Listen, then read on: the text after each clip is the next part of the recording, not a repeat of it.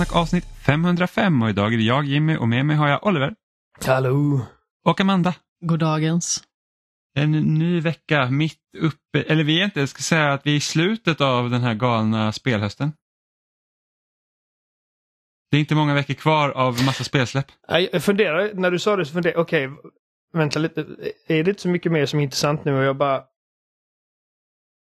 Jag, kommer på, jag kan inte komma på något som jag, som jag verkligen, verkligen, verkligen ser fram emot nu. Allting som jag varit superhypad på har kommit ut. Du ska inte spela det som jag har spelat då?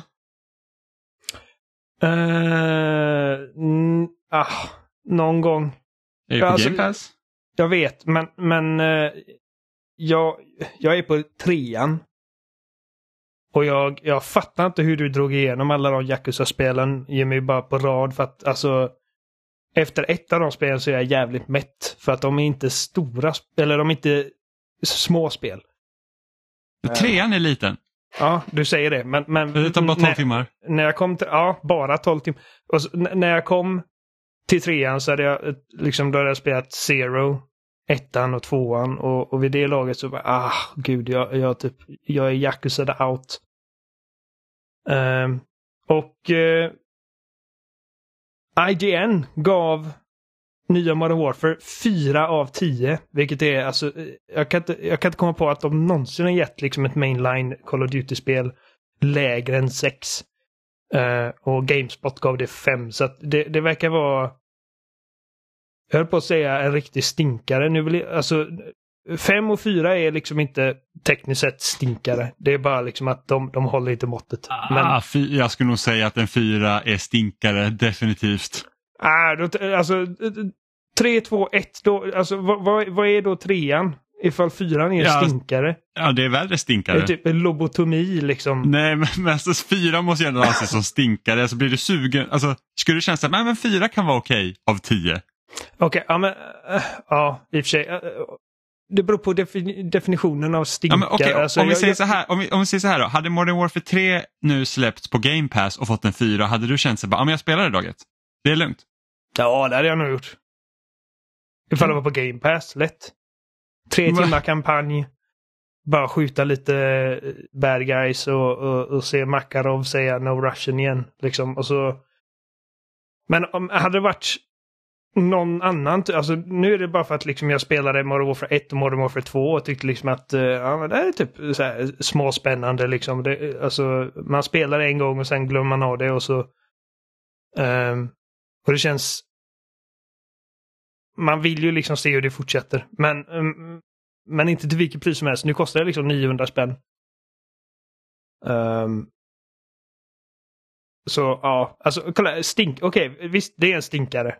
Uh, stinkare är kanske inte det värsta. Alltså, eh, det jag menar är liksom att det, det är liksom inte typ Kong Rise of, eller Skull Island, vad fan det här heter.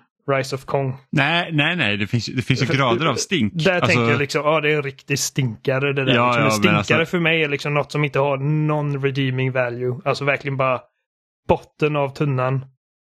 Hur rankar vi det här då? En trea, en dubbelstink. Två, en trippelstink. Ja, nej, nej, Jättestank. eh, nej, men i- ifall fyran är stinkan, då är den stinkan. Nu, nu vill jag att Jimmy hittar på liksom gradvis värre adjektiv för trean, tvåan och ettan. Om vi säger, om vi säger att om, om, om, vi, om vi introducerar en officiell spelsnack betygsskala. för, för, för det lägre skiktet. nej, nej, men vi börjar från 10 då. 10 är liksom, okej, det är mästerligt. Eller, eh, Ja, mästerverk. ja, mästerverk, alltså ja. Ja. Makalöst. Ja, men jag, jag, jag skulle nog säga att, jag skulle säga att mästerverk är, är högre upp än makalöst. Ja, jo, jag med. Jag med. Och, Ja. och det är det min poäng att liksom en tio... Jag tycker att, att, att spel kan liksom uppnå tian. Det- Alltså det är liksom inte Makalöst typ... behöver ju inte vara bra heller. Nej, jag inte vara- men- när, jag, men- när jag brukar säga makalös så brukar jag säga Ja. det är bra benämning. Men, men, Ja, men om vi säger då, om vi säger då 10 är mästerverk och sen så bara säga okej senaste tian du spelade.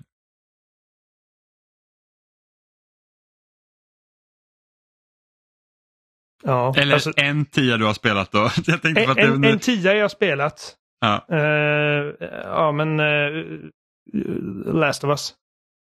Bioshock. Ja, okej, men det, det, var, det var två. 4, Ja, Metroid det är Prime. tre. Det är fem. eh, Breath of the Wild. ehm, Amanda, vad, vad skulle du säga en tia?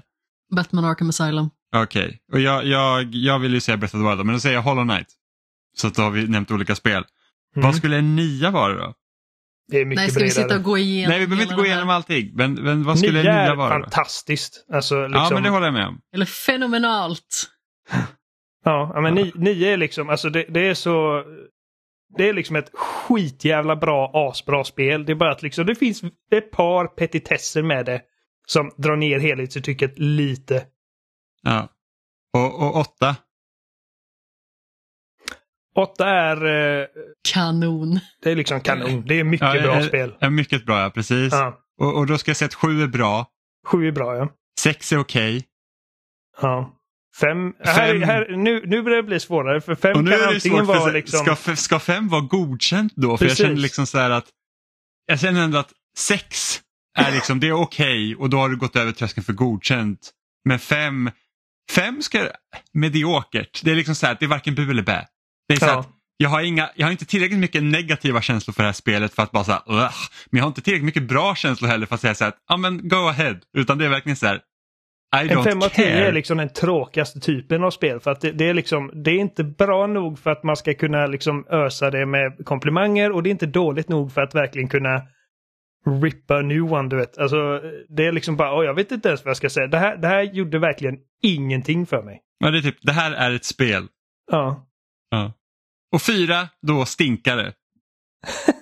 Ja, nu vi har etablerat det redan. Ja. Det känns som att det är väldigt långt hopp från medioker till stinkare. Nej, men alltså, jag Eh. känner att, alltså typ, nej, men tänk så här då, att du, du, alltså om något stinker så är det redan otrevligt där och jag känner så här, är det mediokert så är det ingen stank. Och sen så fort det är lite stink då är det så här, ja men nu halkar du ju ner ett snäpp. Mediokert och neutralt. Ja men exakt. Så att liksom, Doftfritt. exakt, femman är doftfri. Det är liksom, nu, det är nu är varken, problemet dock att alla betyg vi har tagit från 10 till 5 är liksom adjektiv och stinkare är ett substantiv. ja men okej, stank. Stank! Ja, fyra är stank. Vad var den senaste vad- fyran ni spelade? Där är då den sämsta skalan. Ja, den, se- den senaste fyran jag spelade, hmm, jag måste, det, alltså jag det är kan inte inte ofta, minnas ärligt talat. det är inte ofta man spelar liksom Det riktigt, gör jag. Det är inte ofta man spelar riktigt dåliga spel ändå måste jag ändå säga. Eh, jag bara kollar i min lista här över årets spel vad jag spelat nu om det finns något som jag verkligen inte gillar. Jag gav Hyrule Warriors till 3DS en 4. Ja men jag körde faktiskt eh, Ja men det var ju för att det var på grund av tekniska begränsningar eller hur? Mestadels då. Och att det var inte roligt att spela. Ja, men jag kan inte tänka mig att 3DSen hjälpte.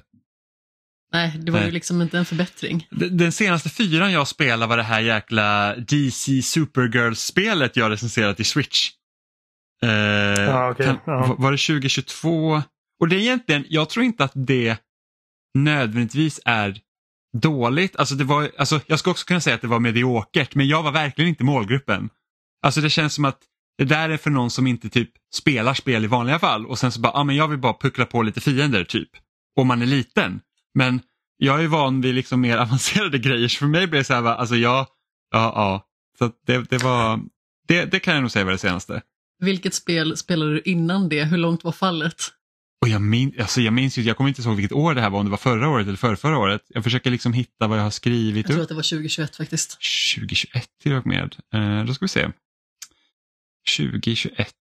Mm, mm, mm. Jag kanske inte skrev upp det här för att jag bara säger fuck that. Eh, nej, det måste ha varit 2022 då. Jag tror att det är längre tillbaka i tiden än 2022. För det hette ju typ DC Supergirls, var det 2020 kanske? Det är mycket möjligt. Det var något spel som du väldigt gärna ville ha på Switch. Som du tog det här spelet för att du tänkte att du kanske skulle ha en större chans att få det. Nej, det var inte därför. Utan det var så att vi fick, vi fick liksom skriva upp en lista till Nintendo om vilka spel vi ville recensera. Och då var liksom alla spel var intressanta utom det här DC Supergirl. Så tänkte jag så att, ah, ja men Då tänker jag att om vi tar det spelet det. Ja, men jag tänkte så här, om vi tar det spelet också så tänkte jag kanske är större chans att vi får de andra spelen liksom bara för att visa sig lite välvillig. Liksom. Ja, men jag trodde att det var något specifikt spel som du ville ha. Ja, men nu minns jag inte vilket år, det beror på vilket år det här släpptes då. Eh, och då tänkte jag, ja, men då, då, då recenserar jag det. Och Sup- DC Supergirl-spelet var det enda spelet vi fick av dem. Så att jag var Mm. inte glad. Ja, nej. men det, det, var- det, det, var, det var kämpigt, men det var, så att det var absolut inte min typ av spel. Då. Eh, ja, men stank. Jag vill att ett av våra... Sunkig, kanske. Men inte sunkig, inte det bättre än stank. Ja, Men jag tänker att vi måste ändå ha en proportionerlig skala. Från medioker till sunkig. Nej, nej, fyra var stank. Det har vi redan kommit överens om. Det, det, det, var, det var hela det här mitt argument vilade på. Jag vill typ att ettan ska typ vara förruttnelse eller någonting liknande. Förödelse. Jag gillar att liksom översta halvan är liksom ganska basic. Bara, ja, men där är klart och tydligt vad det är och sen är det liksom bara olika som stank och förruttnelse. Ja, stank. Ja, men förruttnelse är typ ett. För det är liksom så här att... Ja, vidrigt är det. Stank. ehm, typ mö- mögel. Jag vet inte. Två är Ja. typ eh, tarmsköljning. Ehm, Kolonoskopi. ja, precis. Och tre är eh, Avlopp. Jimmys gymkalsonger. Nej, Men hallå. Jag vet inte i alla fall. Men fyra är stank och sen de andra tre to be decided. Det spelar ingen roll för vi kommer inte eh, anamma en betygsskala på spelsnack. Nej, eftersom vi inte betygsätter spel. Eh, men det Men om något spel blir en stinkare, då ska världen få veta det. Ja, absolut. Så, att- så, att, eh, så att Modern Warfare 3, enligt spelsnacks mått mätt så är det absolut en stinkare. Eh, om vi går efter IGNs betyg. Varsågod IGN. Ingen av oss har ju spelat det. Men jag var ju redan klar med kod efter förra, förra året kände jag. Alltså Modern Warfare 2 tyckte jag inte om. Jag var såhär, nej alltså det, den här typen av spel gör inte någonting för mig. Alltså, Mm. Det kommer liksom inte ens, alltså skulle jag sätta mig och spela Modern Warfare 2 från 2010, nej 2009, eh, idag, då skulle jag säkert tycka att det var betydligt roligare än att spela Modern Warfare 2 från förra året. Jag är klar med kod utan att ha spelat det. Men då kan man inte vara klar med kod, du har inte börjat kod. Det ligger inte i skämshögen kan jag säga. Alltså, första Modern Warfare-trilogin måste jag ändå säga att den är, den är ändå spelvärd. Kan man se. Det, det, det är lite Två av en... första. Jo, men man vill ändå se hur det slutar tänkte jag. Eh, och det är, lite synd att, det är lite synd att Modern Warfare 3 i originaltrilogin var också det här li- typ lite svarta fåret som hade eh, utvecklingsproblem och så blir Modern Warfare 3 i år då också det svarta fåret. Eh, men det är ju bara för att det är ju egentligen DLC som de eh, av någon anledning gjorde till ett fullspel. Ja, men det Det känns var som haft roligt när du sa svarta fåret som har utvecklingsproblem. Du sa sex tår, tre ben. Ja, och inte ens riktig ull. Det känns som att. Sledgehammer har inte fått tillräckligt med tid för att verkligen Nej, göra liksom ett... nej, och jag tror att det här kan också vara någonting typ att man vill ha ut ett kod innan liksom innan Activision är helt Microsoft. Så att de, Ja. jag vet inte, alla rikemansknösar ska få sina bonusar för det lär ju fortfarande sälja även om de får dåliga betyg. Jag har nog aldrig Nej. spelat en etta. Åh, du har inte spelat Amy! Nej, det har jag inte. Ehm, Fy fan vilket skräp det var. Ja, helvete. Det, det, det är det enda spelet jag har totalt raderat från min historik på Xbox. Det, jag tog inte en enda achievement och då kunde man liksom gömma det. Så det är liksom helt, det, det syns inte att jag har spelat Amy. alltså ettorna, de existerar ju, men liksom man... Ja, men ingen Kunde- kan gå in på min profil och se liksom att jag har spelat. Eller, Nej, men jag, kanske- jag menar att det görs spel som är ett av tio. Det är bara att jag liksom inte spelar dem så att... Nej. Eh, Nej men jag, jag typ, alltså det görs ju ändå, på något sätt så görs det ändå mindre liksom typ shovelware-spel som vi liksom märker av då, liksom från, från mer etablerade studios. Sen går man in på typ butikerna på Playstation, Xbox eller Switch så ligger det ju en jäkla massa spel där som man aldrig har Särskilt sett. på Typ, switchen alltså. så Alex ni- och jag blev lurad av The Jumping Taco. ja, men det är typ 19 spänn och man bara säger det där är ju bara skräp, förmodligen. Ehm, men men jag, för, för att jag har ju försökt liksom komplettera min GameCube-samling eh, sen i somras, liksom bara köpa lite småspel lite här och var. För spel som jag inte haft då. Eh, och då kollar man så här, bara, ah, men GameCube-paket, liksom, här är typ 15 spel, GameCube-spel som de säljer liksom i en klump. Då är det typ så här, ja men Metroid Prime, Wind Waker, Bug och Elliot.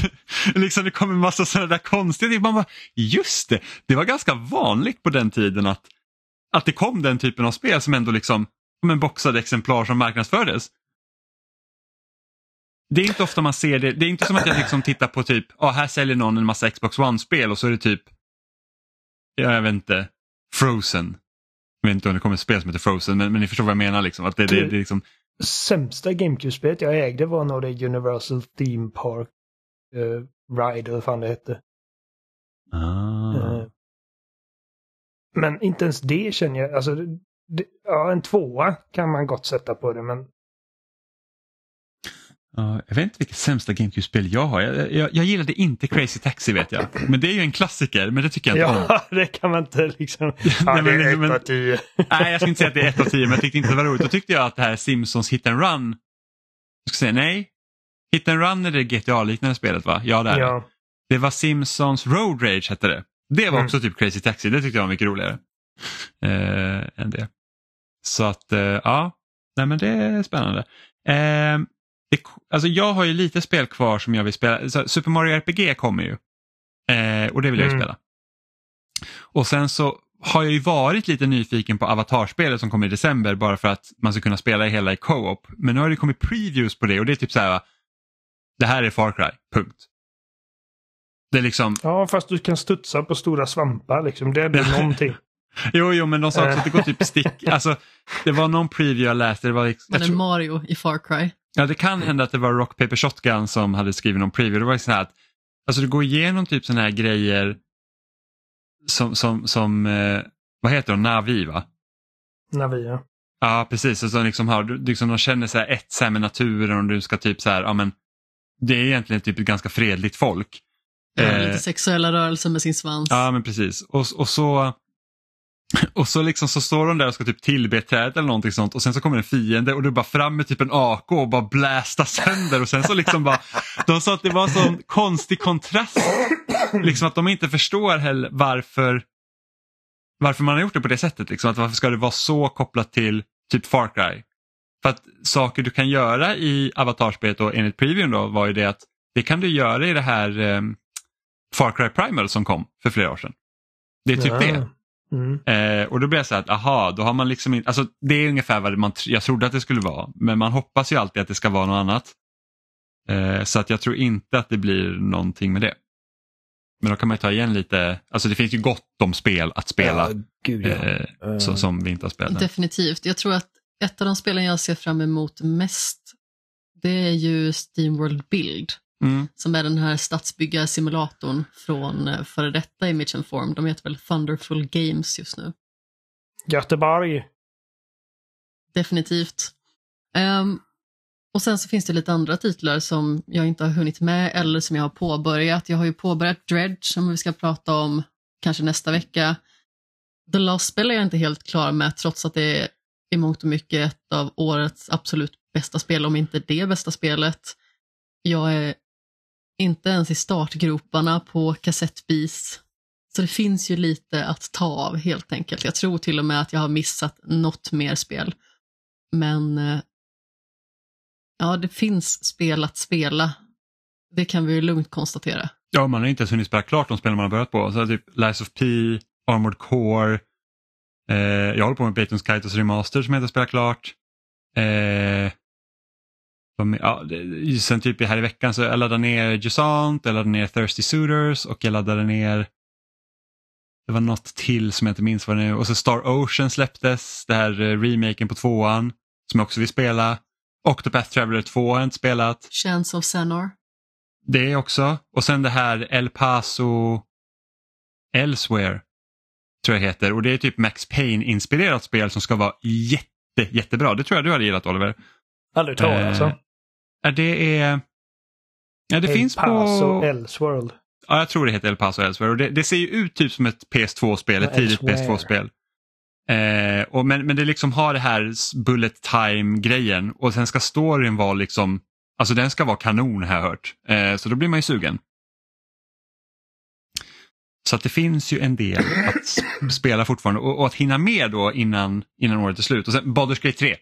Just det, Har det jag har jag inte och spelat. nämna. Och det känns ju så himla retligt också att man inte har hunnit spela det med tanke på hur många som tycker att det är bra. ja, så det hade precis. Vissa tycker ju typ att det är så här det bästa spelet som har släppts under de tio senaste åren. Ja, men det var ju typ så här också att ja, eh, när, när Zelda kom ut så kände man att ja, men det här liksom kommer typ dra storslam liksom på alla årets spelgalor och sånt. Och sen kom Baldur's Gate 3 och folk bara ah. Ehm, så det känns lite surt att jag förmodligen inte kommer hinna spela det innan liksom det blir snack med årets spellistor och sånt. Men du har ju planerat åt mig att vi ska spela det under julledigheten. Ja, men det var då jag kände att vi hade tid att spela det. Så att Du är så rolig. det är ju det också. Eh, man kan spela co-op i det, så det är därför det är så kul. Ja, definitivt. Det ska vi göra. Så att, Vi är inte eh, klara med Diablo heller, vill jag bara säga. Nej, det är vi faktiskt inte. Skäms på oss. Men vi är ju typ i sista akten. Och vi är inte helt klara lite med Super Mario Bros Wonder heller, även om vi är nära nu. Ja, sista världen. Vilket fortfarande är ett fantastiskt roligt spel. 100 procent. Ehm, men, eh, men du och jag Oliver, vi har ju blivit klara med Alan Wake 2 Jajamän. under veckan. Ehm, under, jag blev klar igår kväll. Mm. Med skakande knän. Vad känner Ja, du? men alltså, eh, jag tycker att det här spelet är, alltså det är väldigt bra. Ehm, Jag tycker att det var helt rätt att gå åt survival horror-spelet så att det känns ju typ som Ja, men jag, jag funderade på det igår, jag bara det här känns fan som typ Resident Evil 2 Remake och Resident Evil 4 Remake. Liksom i hur man spelar det. Eller ja, hela remake-sviten av, av Resident Evil som har kommit ut de senaste åren. Eh, I hur det liksom känns att spela. Så jag det tror att passar de jävligt varit bra ganska... i tiden för att just den genren är liksom populär igen. Ja. Eh, Såg någon Vilket- på Twitter som skrev att det här mer eller mindre var Deadly Premonition fast med AAA-budget. Eh, Alltså till viss del ja. ja. Ehm, ja, Deadly Premonition, den bästa fyran som finns. Ehm, men men eh, för, att, för att jag hörde innan Ella Wake 2 släpptes så, så, så lyssnade jag på en annan podcast och de har varit, liksom varit med och typ varit konsulter på spelet. Liksom så här, gett tips och sådana grejer och fått liksom provspela och de sa att ja, det här är typ det mest finska spelet någonsin. Och jag var lite så här, och då att Inte jag, ens en bastu i sikte. nej men och då av att man har, sp- det finns många bastus faktiskt i det här spelet. Ja, Gör det det? finns Ja, faktiskt det, ja, det gör det. det finns De jätte- bara, så att- "Ah, jag, må- jag måste gå to the sauna now. Ja, och, och det roligaste var att jag tänkte på det här när de sa det, att det här är det mest finska spelet någonsin och det här är alltså amerikaner. Jag tänkte, hur fan vet ni vad ens finskt är för någonting? För att jag spelar Remedy-spel. Jag skulle inte säga att någon är speciellt finskt, förutom Atti i, eh, i Control. Det är de baserade på. De Precis. snackar om liksom, ja, flera Ja, men- karaktärer har finsk brytning och Yes, det är karaktärer Det här- som kommer från Finland. Och det här spelet är superfinskt, vilket jag tycker är jätteroligt. För att vi har ju pratat om det här, eller jag har i alla fall sagt det, liksom att jag önskar att utvecklare tog, alltså varför behöver vi alltid sätta spel i en amerikansk kontext? Liksom Battlefield är superamerikanskt, Mirror's Edge amerikanskt, eh, ja men typ, det spelar ingen roll vart, vart, vart utvecklare kommer ifrån utan ofta har man liksom USA, USA, USA som skådeplats. Mass Eh, appeal och eh, liksom möjligheter för att utforska dystopier för att det är typ redan dystopiskt. Och, eh, och skjutvapen i alla hem. Ja, jo, men jag, jag, förstår, jag förstår ju varför man gör det, eh, såklart. Men jag måste säga att det som Remedy har gjort med Alan Wake 2 är att de har ju verkligen fått det att inte känna, alltså det är ju en amerikansk småstad men liksom jag känner mig som då finne känner mig liksom väldigt mycket hemma i ol- olika här referenserna man hör finska så det, det, det, är någon, det gör någonting med en i själen när man liksom ser Ah, det är så mysigt. Första gången jag såg i ett spel en modellerad karelsk pirog. Vilket är liksom så här väldigt smalt. eh, och just det här att ja, men det är finska karaktärer, de pratar finska. Liksom Atti från Control är med i det här spelet också. Och han är ju liksom, Ja, men det var det jag gissade. Ja. också. det är samma. Så att, att, och, och liksom, han sjunger karaoke på en bar, han sjunger helt på finska. Sen har vi de här, eh, Är det hans Bakamitai? Ja men typ, det heter Göten Jön. Ehm, och sen har vi så har vi de eh, Koskela-brorsorna som är finnar och det är så kul Mm. för att han skådespelaren som spelar Koskela han har varit med i Vikings så han, han är ganska känd liksom, skådespelare. Och typ en av Finlands största just nu då. Ehm, så det är jättekul så att ja, det här spelet är jättefinskt. Ehm, Jag kommer Ja, tänka det på var det. ju Alltså, fint att jag skämtade om bastu och det gick ja, ja, ja, det finns hem. flera bastus. Det Läskigt att gå in i bastusen också för man bara, uh, kommer det hända någonting här inne? Kommer typ så här jävla, ja, det är en gubbe som alltid går runt med bara en handduk runt höften liksom, för han är alltid redo att hoppa in i bastun. ja. Så att- Ehm, Så att de har liksom tagit väldigt så här, nordiska referenser, eller finska referenser specifikt in i spelet och liksom det känns inte, i alla fall inte för mig så känns det liksom inte så främmande, det är liksom mer roligt. Om man säger så. Bara Och inte malplacerat heller. att det, det finns ju massor av liksom världskända svenska skådespelare. Ehm, Ja. liksom, f- flera av dem Oscars-nominerade. och jag, jag kan inte komma på många alltså, finska skådespelare som dyker upp liksom i stora Hollywood-produktioner. Nej. eh, Sverige är en större export på skådespelartalang. Ja, oh ja, det är, men just nu tror jag att den, en av de största är ju han som spelar Koskela. Ja, jag vet inte. Eh, Beror det på kanske att deras språk är så mycket... Är det svårare liksom att bryta sig loss från den finska brytningen än den svenska brytningen? Det är, alltså jag tror inte, jag tror att man kan, precis som svenskar kan träna bort det så tror jag att också finnar kan träna bort det utan problem. Jag gillar att jag googlade på Finnish actors och fick andra sökte även efter Stellan Skarsgård. St- Stellan Skarsgård ser faktiskt lite finsk ut. Det gör han definitivt. För att han, han som spelar Alan Wake, alltså utseendemässigt Alan Wake, då, han, har ju, och, han är ju också en finsk skådespelare som jag aldrig har sett någonting annat i. Eh, han ser ju faktiskt väldigt trevlig ut. Ja, alltså, han, är, jag- ga- han, är ganska, han är ganska sexy faktiskt. Jag tycker faktiskt att utseendet på Alan Wake är jättebra i det här Ja. spelet. Ja. Eh, speciellt när man får se de här live action sekvenserna som jag tycker är så här att hur de blandar live action och spel, det känns aldrig konstigt. Nej, det är sömlöst. Ja, det, och det, det- är det- skitsnyggt gjort. Det fungerar jättebra. Vi kan säga att det fungerar mycket bättre i det här spelet än vad det gjorde i mitt spel som vi ska komma till sedan. Ja, precis. Uff. Ehm, och Det är inte Men- vanligt att man har en skådis som är liksom den fysiska, alltså utseendet, och en som är rösten. Ehm, i spel I- i- är det väl det? idag är det väl inte så vanligt.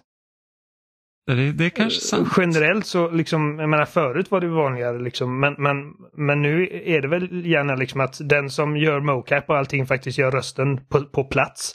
För att det är bara, Ja. det blir mer autentiskt liksom. För här blir det liksom att Ilko, eller vad heter han?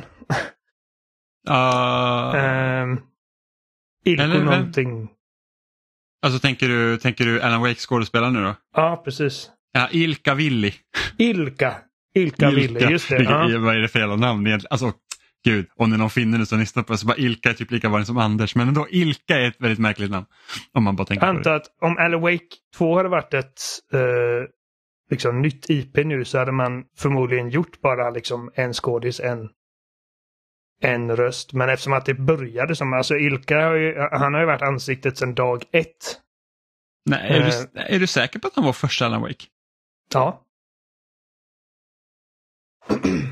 Var det Eh. live action-sekvenser på, i första Alan Wake? Alltså där eh, Alan Wake var med. Jag vet att han var med i American Nightmares. ja. Jag tror att det var Eh, några sådana här tv-sekvenser va? Ja, men det är remasterversionen. Uh, nu ska vi se. Jo då, jo, han står här på Alan Wake också. Det är jag som har missat det bara. Ja, men då stämmer det. Eh, och då var det liksom att ja, men vi, vi har honom, vi har, vi har bättre tillgång till honom för han bor i vårt land och vi kan liksom scanna hans ansikte. Men han är inte riktigt rösten vi vill ha. Han har utseendet och så har vi den här killen liksom i Matthew Pereda. Som bor på andra sidan ja, i, i, i USA. Han är amerikansk. Ehm, och han har rösten vi vill ha så liksom bara dubbar vi över allting. Och jag kan bara tänka mig liksom att för här spelar de ju in scenerna med Ilka på plats. Och han antar att han gör dialogen precis som, som de gjorde med Darth Vader liksom. Och sen dubbar de över det. Eh, så måste Matthew liksom kolla Fast på de här scenerna och försöka lipsynka typ. Ja, fast jag kan ju tänka mig att de har spelat in live action-sekvenserna i, i USA för att det är massa andra skådespelare som är med ju. Som inte är finnar. I och för sig, det kanske de har gjort. Jag vet inte vad som är billigare, att flyga finnarna till USA eller flyga eh, jänkarna till Finland. Det, det är nog billigare att bygga sin egen mocap-studio tror jag. ja, det, kan, Eh, ja, det är mycket än, mer. att, Ja, än fast- att hyra. Eh, Ja, okej, jag tänkte mocap. Ja, precis, så är det. Men jag tänkte live action-sekvenserna. Ja, det är med. Ja. Jag vet inte. Det, är- det är intressant. Alltså det är en jävla massa arbete. De har liksom, alltså, som sagt, det är inte bara det är inte bara speldesign utan det är de här liksom, alltså ganska långa och ganska många filmsekvenserna som är liksom ändå välproducerade också på ett sätt som tidigare Alan Wake-sekvenser inte har varit. Ja. Eh, och eh, liksom många artister som de har liksom eh, hyrt in för att göra egen musik. De har liksom gett dem teman och sådana grejer och så har de skrivit låtar som ska passa in. Um, alltså, ja, nej. Det är väldigt mycket hantverk och konst. Ja, det, det, är första gången de lyckas att blanda ihop live action med spel med musik på det här sättet. För de har ju ja, försökt absolut. nu ett tag. Liksom att, att eh, Quantum Break var ju eh, väldigt stort, det var liksom en hel tv-serie som var knuten till den men det var liksom så himla, det blir så avhugget för det blir så att nu spelar du och nu har du typ 40 minuter du ska titta på en tv-serie och sen spelar du och sen så kommer nästa avsnitt och det blir så att det, det här smälter liksom in i varandra eh, på ett väldigt snyggt sätt och det känns aldrig konstigt när det bryts av. Alltså att det går från spel till live action eller blandar de båda samtidigt. Det känns liksom inte som att det här är weird. Nej, nej men det, grund... det, är verkligen sömlöst. Det enda som liksom som stört mig med det är att live action Wake har längre hår än spel Wake. Så det är typ det enda som liksom som skär sig mellan de olika medierna. Ja. Uh, um, men, men, det, men finns, jag... det, det, finns två saker som stör mig. Mm. Alltså på spelet. Uh, ett, jag hade önskat nästan att det skulle liksom vara lite mer karaktärsdrivet än vad det är. Uh, för just nu är det nästan som att det här mysteriet och det som händer omkring är liksom det är huvudakten som kan man säga. Och att det händer mm. så mycket konstiga saker i det så att det är liksom viktigare än att jag ska knyta an till både, ja men till Saga egentligen för att Alan Wake känner jag sedan tidigare. Så, så att det är mycket lättare att veta liksom, ja, vad ska man säga, känna kände, med honom. Jag kände, mycket, jag, jag, kände ganska mycket för Alan Wake i det här spelet för att jag, jag bara tycker så jävla synd om honom. Ja, precis. Uh, alltså, fy fan vilken lott, nitlott han har dragit. Alltså.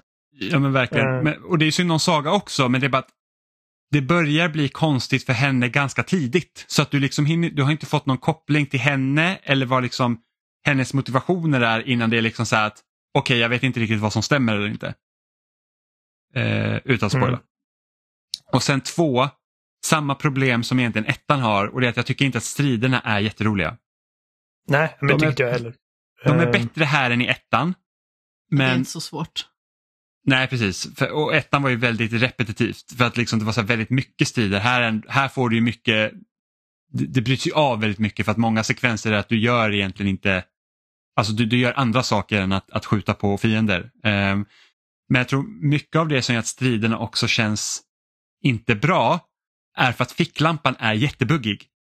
Eh, och, och, ficklampan är också en resurs, alltså att du, liksom, du måste resurshantera ficklampan för att du genom att eh, när, du, när du möter fiender då, så är de liksom omgivna av the darkness så att säga och genom att få bort the darkness så att du kan skada dem ordentligt så måste du lysa ficklampan på dem med liksom då boost mood. mode ja, eller vad du trycker på RB och så tar det en som blipp på din batterimätare. Precis, och, och ficklampan är ganska mycket, den är lite så magnetisk så att den liksom försöker du siktar mot en fiende och sen så trycker du in RB och så försöker liksom ficklampan säga att okej okay, men här lyser du så att det är rätt. Mm. Och det funkar inte alltid. Och ibland blir det inte alltid. Ja. Nej, för att ibland så liksom batteri dras från ficklampan men det gjorde inte ett smack på fienden. Nej. Eller att den missar och, liksom, och det blir så störigt, speciellt när det liksom mot senare delen av spelet när det börjar liksom bli lite svårare. Eh, och det är liksom ganska viktigt att jag har de här batterierna och jag behöver få den här fienden att bli liksom eh, så att jag kan skada den. Så att, ja, mot slutet av spelet så bytte jag ner till story faktiskt för att jag var så att jag var nu, det här är inte kul liksom. Och jag vet att du spelar på hard Oliver, så jag undrar, så här, spelar du på hard helt igenom? Ja. Ja. Eh, um, en eloge Det kunde bli frustrerande ibland. Det fanns ja, ingen och... achievement för att spela på hard heller så att... Uh... Alltså det gjorde du onödan. ja. Uh, um, nej, men jag, jag, känner igen det för det har hänt mig också. En grej som man kunde göra ettan som man inte kan göra här på samma sätt är att ettan kunde man liksom linea upp så att när man använder ficklampan kan man liksom ska man säga, få bort mörkret från flera fiender samtidigt. Mm. Eftersom att lampan är auto-aimar till typ den närmsta fienden eller den som är liksom närmast ditt sikte.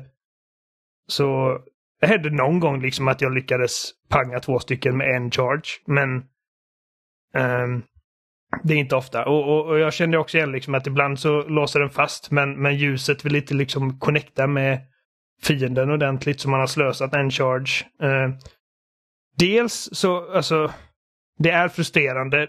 Det hände inte mig tillräckligt mycket för att det liksom skulle dra ner upplevelsen. Ehm, och Jag tycker att spelet även på hard var ganska generöst med ficklampor. Jag kom aldrig till en punkt där jag hade slut på batteri. Um, men det är frustrerande. Och, och jag känner, alltså striderna är liksom... Även i första spelet så är det ingenting med striderna i det spelet som, som är liksom, vad ska man säga, särskilt dåligt. Det är bara att det inte är tillräckligt bra för att helt bära upp hela upplevelsen. Um, och det de har gjort liksom som, som är smartare med det i detta spelet är att de, de har gjort liksom att combat inte är 90% av din speltid. Mm. Um, så att det, det är mer liksom som, som en nästan en sekundär grej i spelet. Alltså här är ju, ska man säga, utforskande och eh, olika former av liksom lätt pu pussellösning är en mycket större aspekt av den liksom övergripande speltiden Mm. än vad combat är. Um, så att liksom, jag tror att man hade, man hade förbättrat även första spelet väldigt mycket bara genom att ursäkta. Um, bara genom att dra ner liksom tiden man är i combat. Mm. Och- Och, det var och ju det, det, vet jag, Mm. det har vi pratat om. Liksom att ett, vad, vad var den här undersökande delen i ettan med tanke på att Alan Wake letar efter sin fru? Precis. Och, och, liksom, och varje gång man, man spelar en del som, som utspelar sig på dagtid och det inte är massa monster som jagar en så är det bara åh nu, nu blir det spännande. Liksom. Det är liksom, storyn får ta lite mer plats. Och, men det är alltid typ fem minuter och sen är det natt igen. Liksom. Ja. Ehm, Men här, det- det här som- är mycket bättre balanserat här. Ja.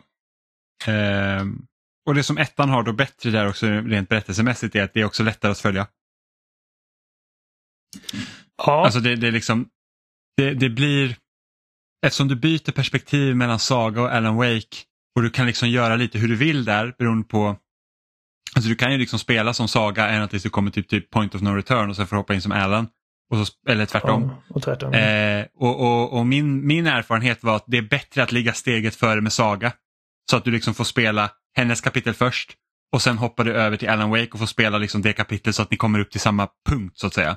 Är så jag. Eh, det, det, jag försökte också göra så och sen så var det någon gång med Alan, det var att ett av hans kapitel var så kort så jag körde två i rad. Och så, så, så hamnar man i någon mellansekvens jag var så här, jag fattar fan inte. Liksom att det var så att jag, jag förstår liksom inte. Ha, det, kändes som att jag hamnade ur synk och sen så fick jag spela Sagas del och då var det så här, aha, jag borde ha spelat det här först. För att förstå det bättre. Um, så att det är bara en re rekommendation, liksom att spela Se till så att du ligger med Saga kapitlet först och sen Alan Wake och sen Saga om man väljer att spela det så. Alternativt att du spelar, om du bara vill spela en karaktär åt gången så spela hela Saga klart och sen kör du hela Alan Wake klart tills, tills eh, slutet. Eh, Jag, jag tycker att det, det är bra att liksom växla för att eh, Mm, ja, det, är liksom det en, det är alltid en lättnad att komma tillbaka till Saga efter att ha gjort ett kapitel med Alan Wake för att hans, hans delar är så abstrakta och så, alltså verkligen förtryckande, obehagliga. Liksom. Mm. Och inte bara liksom sett till att det är särskilt mycket läskigare än vad Sagas del är, för jag tycker inte att det är Jag tycker båda är liksom eh, ungefär lika läskiga. Det är bara att The Dark Place som Allens delar utspelar sig i, alltså eh, det verkligen fuckar med dig vid varje turn och, och det är svårt att liksom navigera sig ibland och det är så alltså, man tänder en lampa och helt plötsligt så ser det här rummet helt annorlunda ut och så ska man liksom, ja, så att det är liksom när man gör perspektivskiftet så blir det liksom ett färskt perspe, liksom perspektivskifte. Mm. Ehm, och Ja, ehm, de kompletterar varandra väldigt bra. mm, Eh, och jag körde ju mestadels av spelet med lurar. mm. Och då Ja, blir det det- betydligt obehagligare för att det är liksom så att när man är i the dark place så det är liksom, det, man hör ju viskningar typ hela tiden och liksom ropar ens namn och Det sådana är så. Och det, obehagligt med de Ja, här det jävla var sjukt obehagligt. som går runt och vissa, alltså jag, jag, jag fattar aldrig liksom regelverket kring de där, för vissa försvinner bara man går nära dem och vissa attackerar dig och vissa rör sig inte alls. Så att, och, och det är väl en del av poängen liksom, att de ska vara oberäkneliga, precis som The Dark Place är. Liksom. mm, Eh, så man går runt där och liksom det är massa skuggor eh, som bara står och, och bara Wake! Alan Wake! Wake! Ja. Och jag bara, "Åh, fan vad obehag. Man vänjer sig till slut men... Nej, jag, Eh, jag, så, så länge jag satt med lurar så vande jag mig inte. Det var liksom så här att jag bara, nej men Amanda nu får du spela med lurar för att jag, jag, jag klarar inte av det här. det, alltså det stället... Jag tyckte att liksom, visst, de är, det är mycket jump scares i spelet. Eh, Alltså, alltså, ja, om man vill klassa det som jump scares. Alltså, Precis. vi, alltså, det dyker ju upp saker i ansiktet på dig men det är inte, nö, alltså, det är inte nödvändigtvis en det är fiende som gör det. syner man får som kommer Ja. väldigt plötsligt med ett liksom skarpt ljud och det är oftast liksom ett ansikte som typ skriker mot skärmen eller någonting. Och jag menar, 90% av dem reagerar jag inte ens på. Eh, Väldigt Twin Peaks. Men, men ett par av dem fick mig liksom. Och, men samtidigt så, alltså, jag kände liksom att okej, det här är liksom passande creepy, men det är liksom inte så jobbigt läskigt att jag känner att det är svårt att spela vidare. Fram tills jag kom till det jävla ålderdomshemmet. Ja, fy fan. Ja, det var, det var jobbigt. Där vid den punkten liksom, och, och när jag kommer ner till den jävla källan och jag bara ah, okej. nu, nu, känner jag, nu känner jag det. Liksom, det var länge sedan som, Ja. som jag spelade ett skräckspel där jag kände liksom okej jag blir liksom fast här. Att jag, jag, jag har liksom inte viljestyrkan att pusha mig vidare. Ehm, Det är mitt standardläge när jag spelar läskiga spel. ja. Man typ blir paralyserad och kan inte komma vidare. Ehm. Men alltså, jag... eh, Jag har ju tagit alla achievements och det hjälpte inte, liksom, det gjorde inga tjänster för spelet. Att jag gjorde det. Liksom, jag, jag tror att jag hade varit... Jag är väldigt nöjd med spelet så här i slutändan. Eh, och eh, som sagt, som jag sa förra året, att jag är jätteglad att Alan Wake 2 händer nu i den här formen än det liksom potentiellt liksom mindre innovativa eh, den mindre liksom, innovativa versionen som vi hade fått för tio år sedan. Liksom. Mm. Ja, vi hade fått ett Alan Wake 2 i dess rätta bemärkelse. Ja, liksom att det, det är mer av ettan egentligen. och, och, och det märks liksom att Remedy verkligen liksom de, de skjuter på alla cylindrar och eh, lägger allt de kan. Liksom, allting som Remedy är har de verkligen infusat i det här spelet. Och verkligen se till liksom att fans får liksom gamla frågor besvarade men, men nya ställda och att det är liksom en tillfredsställande resa från och det är, det är smart också med en, med, med en ny protagonist eftersom att det har gått 13 år och Mm. många som inte har spelat det och många som inte ens kommer ihåg det för att det var så länge som de spelade. Så, så man upptäcker den här världen och mytologin kring den tillsammans med Saga. Ehm, och det är vissa delar av det här spelet som jag verkligen alltså, bara satt med, med, med hakan i, i, i knät. Ehm, det är men alltså musikaldelen. Jag vill inte liksom spoila någonting men det finns en musikaldel och den är helt amazing. Um, det, ja, nej, alltså. Det är så mycket jag hade liksom kunnat säga om det här spelet om vi hade liksom en spoilerdiskussion. Jag vet inte om folk är intresserade av det. Um, ni får väl skriva in när ni lyssnar på detta ifall ni vill ha en Alan Wake spoilercast. Men som sagt, eh, eh, när- jag bestämde mig att okej, jag ska faktiskt ta alla achievements. För när jag började komma, liksom, när jag kom till den här punkten var liksom okej, nu är det point of no return. Ifall jag går vidare nu så är det liksom sista sträckan. Och vid det laget kollade jag, okej, vad har jag gjort? Vad har jag kvar att göra? Jag märkte att jag har inte så mycket kvar att göra. Det är liksom att samla de här eh, lunchlådorna, cold stashes och nursery rhymes, alla de här grejerna. Ehm, så jag tänkte, ja men fan jag gör det. Och, och det, det, det, det drog ut på det liksom. Det, det var inte... Kom, förra veckan så snackade vi om att jag inte har något emot att spelet inte håller i handen och att liksom... Eh, jag, jag tyckte det var liksom mysigt att gå vilse lite, liksom att utforska världen. Du var mindre hype på det.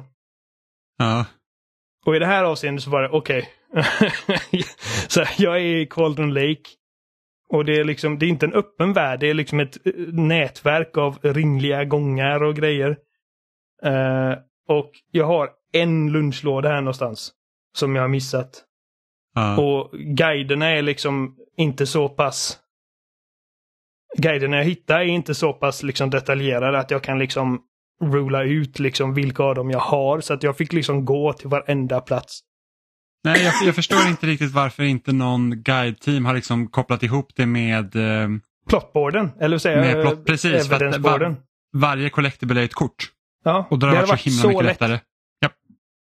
Det- Eh, så- för jag, jag valde att inte gå efter alla collectibles på grund av den orsaken. För jag sa att, och, och sen när man är vid det, det tillfället också att du liksom, okej nu, nu får du samla allting för sen är spelet slut. Då är också allting mörkt. Mm. Så, och det, Ja, det, det finns inget sätt att liksom spo, ja, det finns inget sätt att spola tiden heller. Så jag, jag gick och hämtade någon, jag tog några extra achievements igår efter jag klarade spelet och sen så tänkte jag, men jag tar den här jäkla jag ska ta den här jäkla stashlådan också samtidigt och det var ju liksom helt kolsvart och det kom massa fiender. Jag sa att nej, nej det är inte värt det. Träffade du eh, Mayor Setter? Eh, nej, det gjorde jag inte. Okej, det var kul. Eh, jag kan tänka mig det men jag var så att jag vet inte vilka, jag har, vilka av hans grejer jag har rört redan. Så, Ja. Så det var- Ja, jag, jag, jag berättar sen efter vi har spelat in. ja, Eh, eh, Men ja, alltså, så, så det, det surnade mig lite på spelet liksom. Eh, mm, Just det här, alltså det var säkert fyra, fyra timmar av att bara liksom backtracka. eh, mm, och vara vilse liksom och bara okej har jag gjort denna? Har jag, och, liksom, och mycket jobb också med att då försöka lista ut vilka är det jag missat men liksom misslyckas och, och ändå behöva liksom gå hela rundan runt.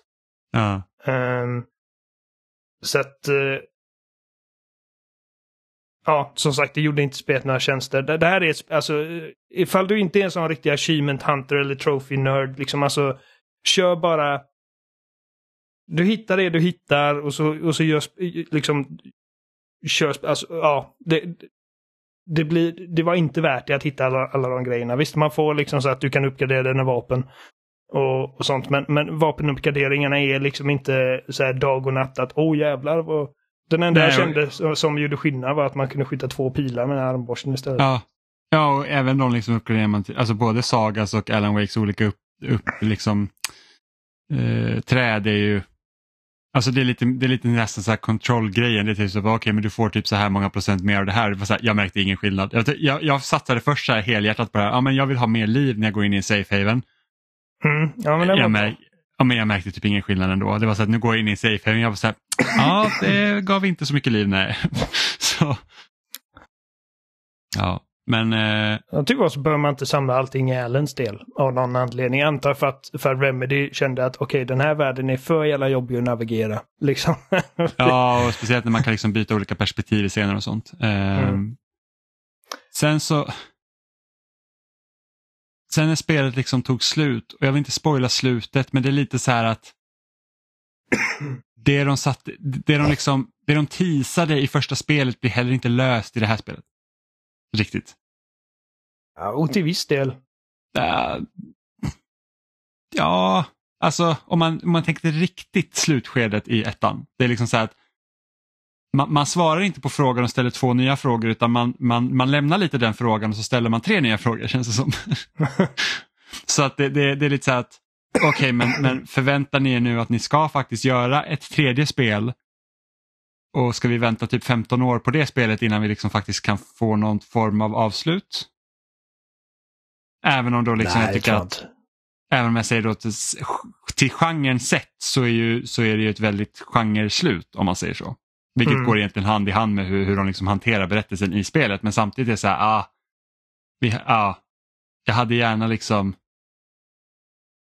Ja, alltså det är inget sagobokslut. Eh, Det, det, de, de sätter liksom inte en fin rosett på det. Jag kände att det är ett status quo som de hade satt med föregående spel. Jag kände att det var i alla fall, okej, vi, är- vi lämnas inte på samma plats. Liksom. Det, det, det är ett nytt fängelse liksom.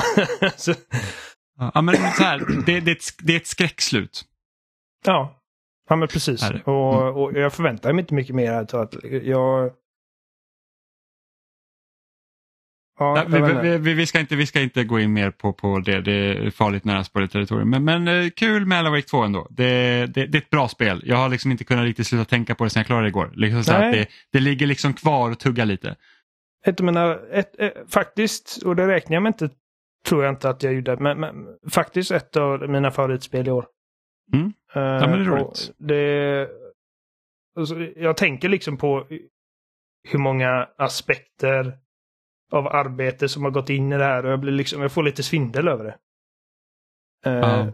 och, och, och hur mycket tanke, eller, alltså eftertanke liksom när det kommer till för att storyn i spelet, det, det finns ju liksom spelets story och sen storyn som, som Alan Wake jagar och liksom blir påverkad av. Och så, så, berättelsen är liksom en egen karaktär i princip. Mm. Och hur allt detta liksom sammanflätas och vad, för att i, ingenting blir liksom helt spelled out för dig vad det betyder. Och eh, det lämnas liksom, eller man lämnas liksom med, med väldigt mycket, okej. man tänker tillbaka på det, okej, och så vad betyder detta liksom? Eh, Som jag inte förstod det. Jaha, betyder det det? Eller vänta lite. Det kan inte... Och så, hmm, nej, ja, Mm. i och för Ja, sig. men det, det känns liksom att berättelsen loopar om på sig själv, på sig själv, på sig själv. På ett sätt som gör att du ändå inte tappar bort dig. Ja, men Och jag tror att det är lättare, spelar man om spelet så tror jag det är lättare att hänga med i de svängarna också för att de har ju sett twist och turns. Vi kan väl Eh. säga att oavsett vad man tycker om spelet så känns det ju som att Remedy hela tiden har hållit sig väldigt tätt in till sin konstnärliga vision. Ja, det, får man absolut. ju, det får man ju hoppas. Ja, men det, men det, känns, det här känns inte liksom som, som ett liksom genomsnittligt AAA-spel som, som någon så här shareholder säger att det här måste finnas. Detta är liksom ett passionsprojekt. Precis, det känns inte som en rad av så här tvångsmässiga kompromisser. Nej, Nej. det gör det verkligen inte. Eh, Ja, och det, som det är sagt, någonting här- de har velat göra i över ett decennium, liksom inte fått chansen förrän nu och det, och det märks liksom att ah, de bara exploderar all den kreativiteten. Ja, så det, Mm. det ska bli väldigt kul att se vad de, för att vi vet ju att det är Max Payne 1 och 2, remakesen är på väg, Control 2 är på väg. Eh, så får vi se vad, om det blir något mer Alan Om Wake Max Payne ser ut som Sam Lake i remakesen så blir jag fan tossig alltså. För att jag, för jag, jag vande mig aldrig vid att se Sam Lake och hans liksom shit-eating grin med James McCaffreys röst. Eh, och det, det funkar Alan Wake för att det är liksom, det är så weird och så självreflektivt så att det funkar. Och som sagt, som vi sa förra veckan, Sam Lake spelar sig själv i spelet också så att det är liksom väldigt meta. Eh, men, men, jag, men jag hoppas att han, han ser mer ut som Max Payne, alltså modellera Ja, men vil, efter- vilken, Max, vilken Max Payne? Ja, men, vi kan ju eh, också, Sam Lake ser ju ut som Max Payne gör också. man kan ju inte, man kan inte göra det, modellera honom exakt efter James McCaffrey idag för att han är typ, vad är han, 60 år gammal och, och, och Max Payne är ganska ung i första spelet. Men, eh, men alltså liksom i tvåan och trean så ser han mer ut som James McCaffrey. Och jag, och jag känner att det är den vägen så att det inte blir den här liksom disconnecten för att jag, jag är så bekant. Alltså, eh, alltså, jag menar inte att jag känner Sam Lake, men jag känner till honom så väl nu. Jag har sett honom i så mycket intervjuer och jag hör hans liksom extrema finska brytning i huvudet bara jag tittar på honom. Eh, att jag kan liksom Ja, inte... den är inte nådig alltså. Nej, Jag kan inte liksom gifta honom och Max Payne i huvudet liksom. Det, är en enorm disconnect. Och, och i Alan Wake så funkar det. Det liksom åstadkommer ett mål. Jag känner inte att det hade Mm. gjort det i Max Payne. jag, bara jag bara tänker på Sam Lake när han alltid pratar om stories. Bara, We believe in the story. Han står liksom, ja, It's a det är rätt så kul. writer. He, he finds Eh. these pages. Ja, ja, för att, för att han, han pratar inte dålig engelska man bara hör att det är tydligt finskt. Nej, han har bra Eh, Väldigt vokabulär. tydligt Ja. Ja, men Mm. precis. Eh, Sami men- Järvi heter han tydligen. Järvi betyder ju sjö. Ja. Eh, men vi har inte, det är inte bara du och jag som har spelat spel med FMV-sekvenser då Oliver, utan Amanda har ju även spelat senast eh, Like a Dragon. Det har jag sannoliken gjort. FMV-sekvenser. Oj men det har det. Vänta du bara. Jag har ju faktiskt eh, tidigare än vanligt fått testa ett spel. Det är ju ganska så sällsynt numera att vi får ett spel så här tidigt liksom innan embargot liksom har lyfts och sådant. Men jag har spelat Like a Dragon Gaiden, The Man Who Erased His Name. Och vem den mannen är, det är ju Kiryu, som eh, vi alla älskar och känner till i den här podcasten. Ehm, jag har ju bara spenderat liksom Yakuza-tid med Ichiban tidigare. Jag har ju bara spelat spel nummer sju i serien. Ja, så detta och är det din gjorde ju jag och Jimmy Kiryu. tillsammans. Precis. vi spelade det senaste spelet i somras.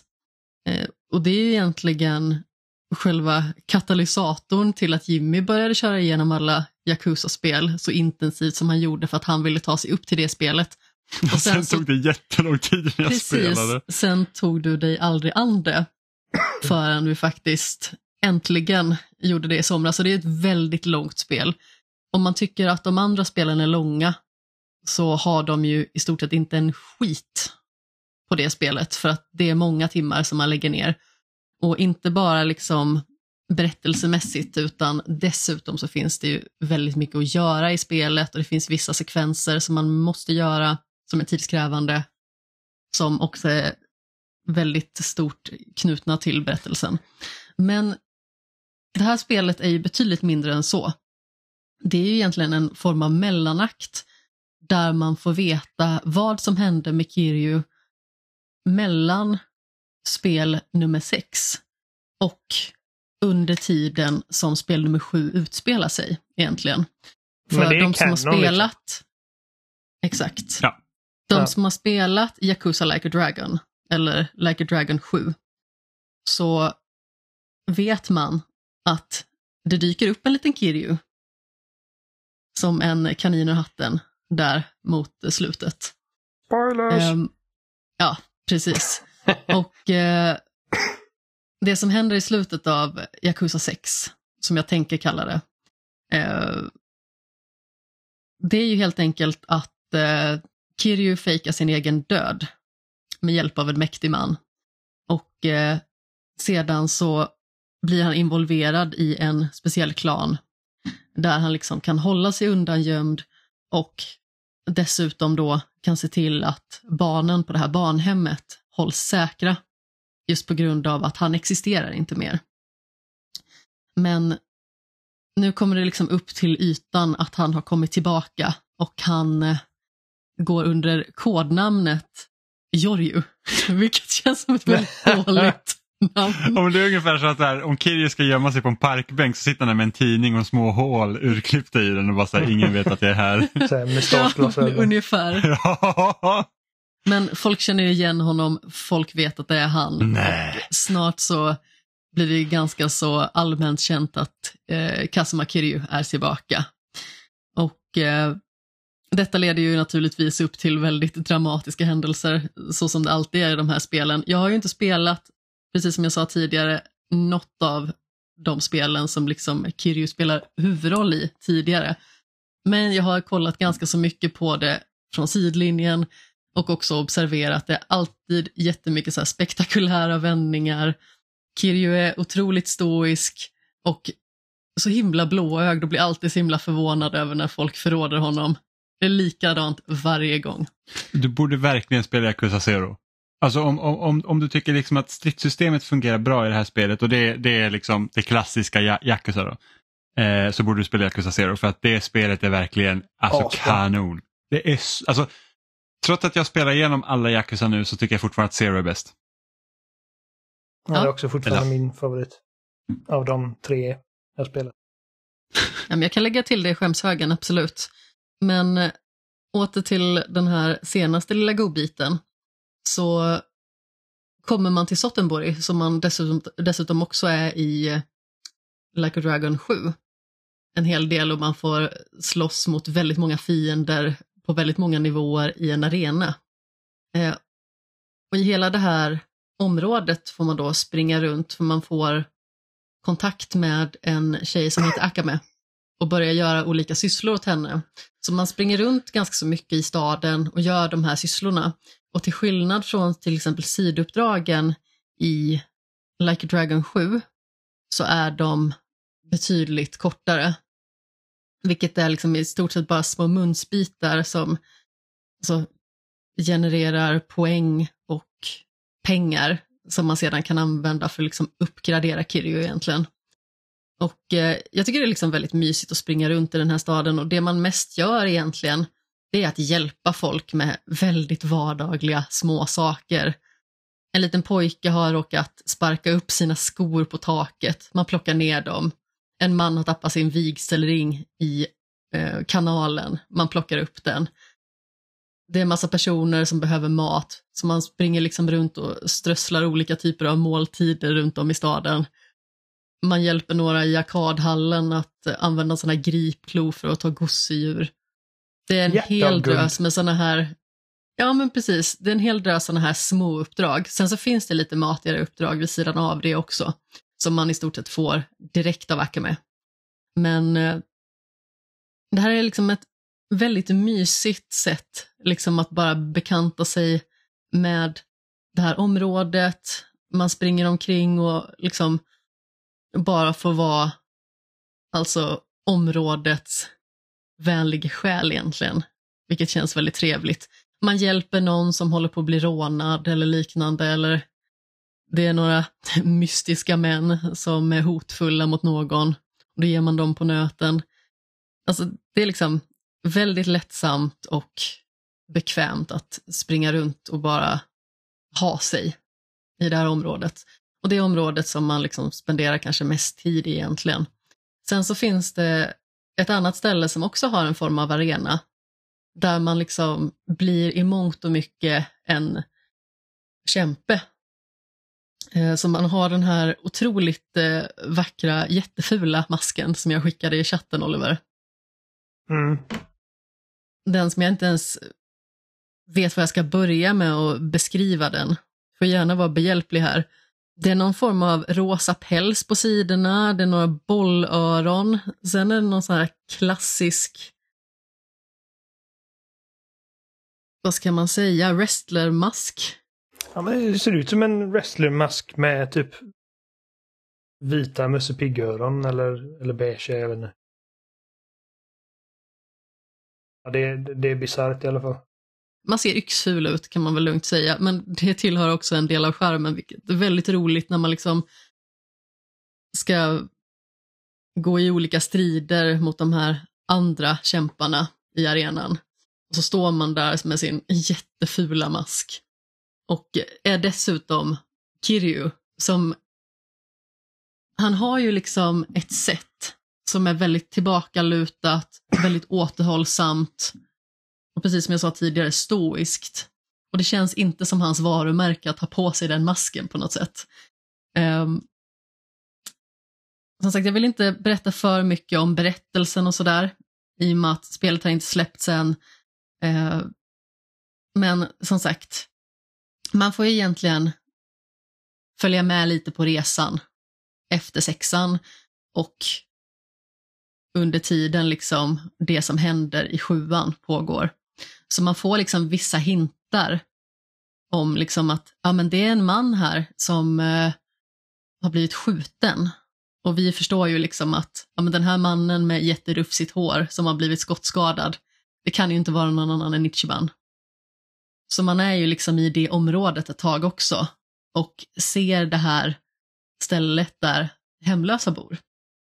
Och är dessutom där och gömmer sig och eh, fräschar upp sig lite grann, så att säga, när man har varit i en ganska så aggressiv konfrontation med några skurkar. Ehm, Men, men detta är Om- alltså, det är inte turbaserat som... nej, men precis, Eller- utan det är ju eller- liksom tillbaka till eh, de här vanliga striderna, så att säga. Jag måste säga att de känns otroligt följsamma. Det är väldigt lätt att hantera Kiryu i alla strider. Man har olika manikrar som man kan använda sig av, som gör liksom att striderna blir lite lättare. Man kan Och de blir fortfarande lite typ mer dynamiska. upp cyklar och, och sånt i miljöerna. Ja, ja men precis. När man är ute på stan så kan man eh, kasta cyklar och fasen och hans moster. Jag tror att jag dängde askfat i någons huvud häromdagen. Eh, Mycket nöje. Förstår du varför jag Eh. saknar det? Eller i och för sig, du kanske, Ja. inte, du kanske föredrar, föredrar eh, det omgångsbaserade i... Ja och nej kan man väl egentligen säga. Som sagt, jag tycker att båda väldigt tydligt har sin charm. Jag tycker ju väldigt mycket om turordningsbaserade strider. Och det känns väldigt mycket som Ichibans grej. Han har ju liksom det här i mångt och mycket i sitt huvud. Ja, att han gillar han ser det Quest. som... Ja, men precis. Han ser det liksom som sitt party, det här gänget. Och de Mm. har sina uppgifter. Eh, Och han skapar liksom den här verklighetsbilden för sig själv, vilket är väldigt charmigt. Men det är väldigt roligt med de här striderna också. Och när jag har kollat på Jimmy, när han har spelat de eh, tidigare spelen i Like a Dragon-serien, så är det ändå någonting som har fått mig att känna, gud vad tungrot det ser ut. Det ser inte följsamt ut, det ser osmidigt ut. Kirju som ändå har någon form av superkropp, det ser ju ut som att han rör sig lite granna som en spinkig flodhäst. Alltså det, det ser liksom inte nöjsamt ut att strida med honom. Men när jag får testa det här spelet så är det en helt annan känsla. Och det är väldigt roligt att strida. Jag känner liksom aldrig att det är jobbigt eller tidskrävande till den punkten att jag vill liksom bara springa förbi när jag stöter på mystiska män på stan. Om man säger Alla så. är så jävla fientliga i Japan alltså. Jag vågar inte åka dit. Eller hur? Det kommer definitivt vara så när vi kommer dit. Ja, så här riktiga liksom eh, stöddiga eh, så här, noshörningar till karar som bara Hörru, du går på fel gata, nu ska du få stryk. Och, och det, är ju, det är ju drömmen när man kommer dit och så händer någonting som man bara, nanny. Plockar upp en eh, soptunna och bara drämmer ner den i halsen på någon. Men alltså har man spelat Yakuza eller ja, Like a Dragon som det egentligen är bestämt att Ja, serien nu heter det nu. ju- ja. Ja. Då kommer man liksom känna igen det mesta i det här. Det är liksom som ett Like a Dragon-spel fast i lite mindre format, det är färre kapitel som kanske är lite längre men huvudberättelsen är ganska så kort. Men det finns massa lullull som man liksom kan ta sig an längs med vägens gång. Du har den klassiska karaokebaren, du kan kasta dart, spela biljard, arkadhallar, massa minispel av olika slag. Alltså man har många timmar att kunna bli underhållen på, helt enkelt, om man sätter sig in i det här spelet. Och eh, alltså jag har en väldigt nöjsam upplevelse. Men någonting som däremot var väldigt besynnerligt och eh, som jag dessutom till och med var tvungen att texta eh, vår kära vän Niklas på Svampriket om, just bara för att han också recenserar det här spelet, det är ju de här kabaréklubbarna. I stort sett hostess clubs. Eh, Fast de har liksom då bytt namn. Eh, jag tror att de heter Cabaret Clubs i det här spelet. Och jag vet inte riktigt vad de har tänkt med det här designbeslutet. För att det är så obekvämt så jag vet inte riktigt vad jag ska ta vägen. Jag är ju en av de minst pryda personer som jag tror att både du Oliver, Jimmy och jag själv känner. Om man ska vara helt ärlig.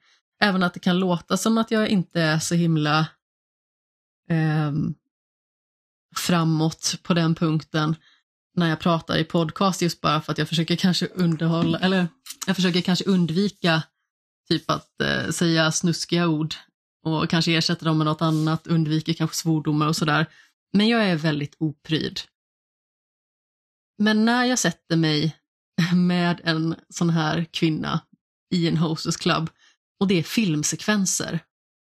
Ja, för du driver inte en hostess club i det här spelet utan du, du dejtar hostess kvinnorna istället. Ja, ja men exakt. Ja. Man kommer dit, man har sin sällskapsdam. Och då tänkte jag så här, men jag vill ju se vad som händer om man får tre hjärtan. Jag tänker att Nej, det nej, kommer nej. ju säkert. Det, det var inte så här att Amanda typ, jag vill veta vad som händer, utan det var så här, hon tittade på mig, väldigt så här busigt utseende, bara, jag vill veta vad som händer när den får tre hjärtan. Och man var så här, ja, någon vill ha snusk. Nej, men jag tänkte så här att det kommer ju säkert i mångt och mycket bara bli svart på skärmen och sen så får man en trofé eller någonting. Tji fick De jag. rawdoggar varandra. Nej, alltså så illa var det ju definitivt inte. Men eh,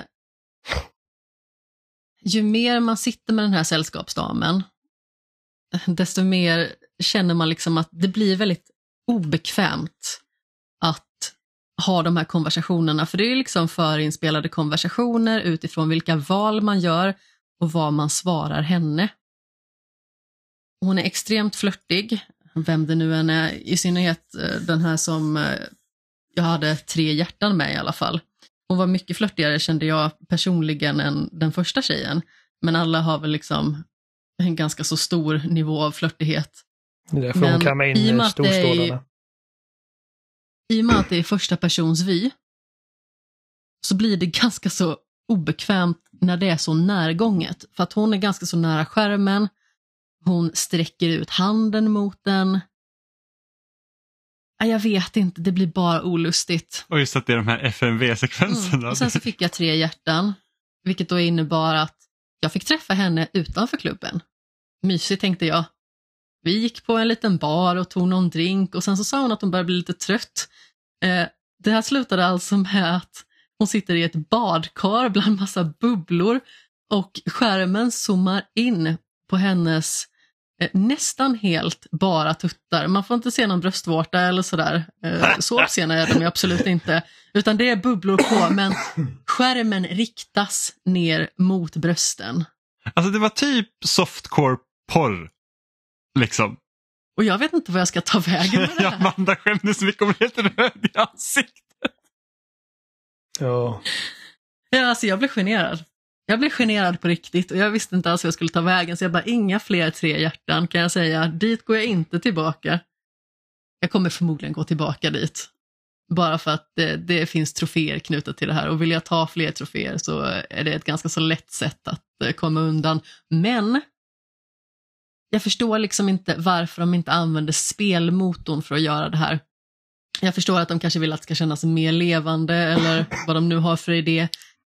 Det blir bara obekvämt, alltså även när det är spelkaraktärer så blir det ju lite obekvämt och lite konstigt. Vi vet alla liksom att sexscener och sånt eh, är besynnerligt i spelformat Men för det att det ser känts- stelt och liksom skevt ut oftast. Men det hade ju känts ännu konstigare om det var FMV-sekvenser på typ sex scener i spel. Tänk typ Mass Effect och så får du typ ligga med Gary och sen så bara nu byter vi över. till- Live action Gary. Ja, live action. Så här Lite halvdålig cosplay liksom. Det är så att det är någon plastbit som hänger löst. Ja, nej, det var inte riktigt så jag menar, utan jag menar liksom snarare att vi vet ju redan att det ser konstigt ut. Med den här typen av scener. Ja, men, men, men det blir en disconnect också när det är i live action, antar jag. Det låter väldigt awkward presenterat på sättet du beskriver det. Ehm, Det är awkward. Alltså det känns, man var så här, alltså, det, det blir väldigt konstigt. Ja, men alltså, jag kände hur jag aktivt började backa längre bak i soffan, bara för att jag kände att hon sitter för nära mig. Och jag gillar inte det. Jag tror att den minst cringy liksom, sexscenen i ett spel jag har sett är Last of Us 2.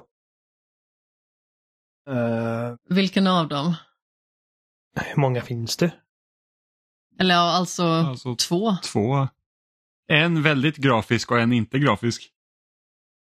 Nej, men jag tänker det med Abby och... Uh, vad fan heter han? Owen. På båten. Ja, okej.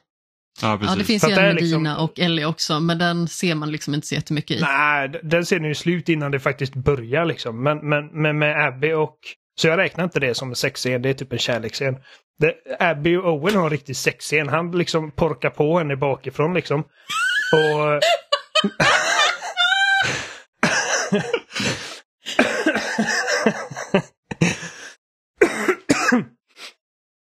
Och det, jag menar, alltså, för att där, där klipper de inte bort så fort det börjar bli hett liksom, utan det, det är liksom, det börjar och man, man är along for the ride, men det känns inte så exploitive eller liksom som att... Jag vet inte, det, det, det bara känns... Det kändes som att se en sexfilm, eller sex, sexfilm, sexscen i en film. Liksom. Alltså, för att det var inte det här konstiga, du vet, när karaktärsmodellerna du glitchar igenom varandra. Och det är bara liksom en väldigt, väldigt tekniskt well performing sexscen. Det är inte The Ehm, Witcher 3 där man liksom får se någon guppa upp och ner på ett väldigt mystiskt vis. Nej, precis. Jag menar, och liksom, inte för att säga liksom att oh, Mass Effect, The Witcher och alla de här liksom bara kassa. Alltså, de, de arbetar med resurserna de har. Men, men, De har gjort men, så gott de kan, men det är ändå Ja. konstigt. Men Naughty Dog har liksom dels då liksom alltså resurserna och, och också smakfullheten att presentera de här grejerna på ett, på ett väldigt moget sätt. Och mo, vi har pratat om det här för moget betyder liksom inte alltså vuxet. Barn nödvändigtvis. förbjudet. Precis, alltså eh, moget är moget. Bra sagt. Jak- Jag förstår precis är, vad du menar. ja, Yakuza-spelen är inte mogna. Eh, Nej, alltså de, eh, de är. Men, men, men, Eh. men, men, de, men de behöver inte vara det. Alltså, en, en stor del av skärmen är ju hela bizarra de spelarna. Och jag kunde spela eh, Zero och man kommer till det här liksom att okej nu ska du driva din eh, Hostess Club. Och jag bara, vad är det här för liksom skitminispel? Jag orkar inte liksom. Och, och typ 30 timmar senare, jag bara, åh, jag är den bästa så Cluben i Tokyo. investerad. Ja, det är så beroendeframkallande. Det är skitroligt men det är Nej, liksom... men alltså, hostess clubs är ju någonting som är ver verkligen främmande för oss för att vi har inte någon lika tydlig motsvarighet här borta hos oss. Nej, i Japan är det, Eh. det är populärt som fan. Ja, men precis.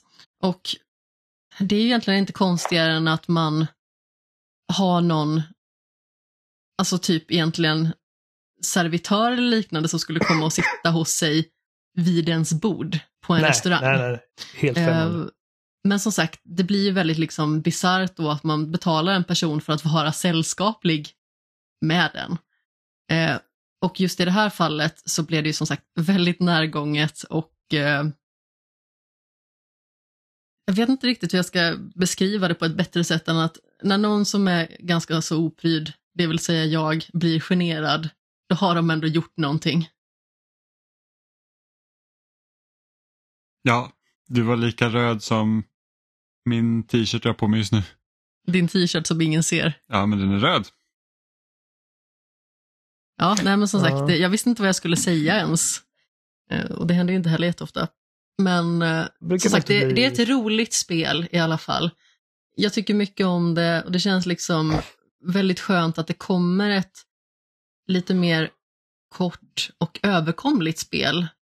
Att allting behöver liksom inte vara så extremt stort och expansivt utan det får liksom existera lite mindre spel i samma värld så att säga.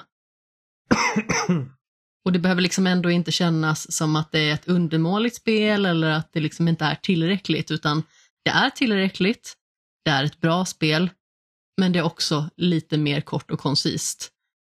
Med Like a Dragon Music mått to my ears. Mm. Ja, Eh, precis. Det ska inte vara så långt. Liksom. De, senaste, alltså, de senaste Like a Dragon-spelen har ju varit, alltså fyran och femman var ju typ 50 timmar styck. Och sen sexan var lite kortare men det klockade ändå in på typ 30 timmar och sen, eh, alltså Yakuza Like a Dragon var ju, alltså det var ju typ 50-60 timmar det också. Ja, Jag tror att jag kanske spelade 85 timmar. Jag tror inte att jag hade Men- blivit eh, generad av en sån. Alltså jag, jag är inte heller pryd. Eh, jag och Stefan, vi, Va? vi, har, vi har så skickat bilder, close-ups på våra rövhål till varandra bara för att, bara på skojs skull. Eh, så att det är liksom så demented vi är. Men, men, men jag, hade, jag hade ändå känt det liksom ifall jag spelar en sån scen och det är så awkward och liksom bara konstigt och typ jag vet inte, en kollega hade gått in i rummet och sett, jag hade känt, mig som ett jävla freak. Liksom. Det är, för som, som Jag har inte gjort något! Liksom, jag lovar, det är inte vad spelet egentligen handlar om. jag, jag spelar inte porrspel. Eh, Det är lite Spelet som handlar här- om Yakuzan. Ja, Jag precis. lovar. Det är maffia, det är typ kriminaldrama. Vilket är typ Ser man två rejäla doningar i bild bara. Ungefär som de som sitter och liksom läser hentai på spårvagnen typ. Eller, eller ja, tunnelbanan. Eh, men eh, ja. Alltså en grej som jag undrar, som jag tänker, alltså. Vad, vad, får ni känslan av? För att nästa spel är ju med, då är det både med Kiryu och eh, Ja. Ichiban. Ichiban ju precis. Kommer det vara att när du spelar Ichiban så är det hans liksom Dragon Quest omgångsbaserade och när du spelar Kiryu är det en beat'em up? Ja. Jag tror det. Det är i alla fall så att, jo, jag har för mig det att Kirius typ, Kirius grejer är typ, eh, ja, det, det, det, För det- någonting det har de gjort med som att i det alla fall varit- så att han har, så att han har liksom eh, sin, sin vanliga beat'em up grejsmojs. Men precis, att de följer sina respektive formula. Ja, För det är ju inte vanligt att man ser liksom ett, ett spel som har två helt olika combat-system. Liksom. Eh, Eller sen vet vi att- inte hur, ehm, hur de gör det heller. Liksom, kan du typ spela Kiryu och Ichiban lika mycket vardera eller har Kiryu specifika ställen där man spelar som och sen så har ju Ichiban också sin sån här lilla Animal Crossing avstickare som han Ja, hanterar. just det. Jag har hört om det, vi har inte sett det. Det var på den här Xbox-grejen va? Ja, men Mm. precis. Vi fick Ja. eh, skåda Ja, alltså, lite det- förhandsvisning på det. Det är i princip Animal Crossing i, du liksom har en ö som du köper, du liksom har folk som flyttar dit, du får fixa ditt eget hus, du får liksom, ja, det, det är typ en, fiska och, bygga grejer. Det enda som det, saknas är en pengakåt tvättbjörn. Ja men vem vet? Jag hoppas, Vad att de, jag hoppas ju att de har någon spoof på det. Typ att så här att mannen man typ köper eller figuren man köper ön från är, går liksom runt i typ en tanuki-dräkt. Det hade varit jätteroligt. Och heter Nomtuk. Ja, typ. Så det hade varit kul. Ehm. Ja, men det, det, jag är jättepepp på Infinite Wealth alltså. Och ni borde vara pepp på det här spelet också, för att det är jättemysigt. Så jag rekommenderar det varmt. Och som sagt, lite grann på förhand så kollade jag ungefär tidsramen. Och det stod så här mellan 10 och 20 timmar.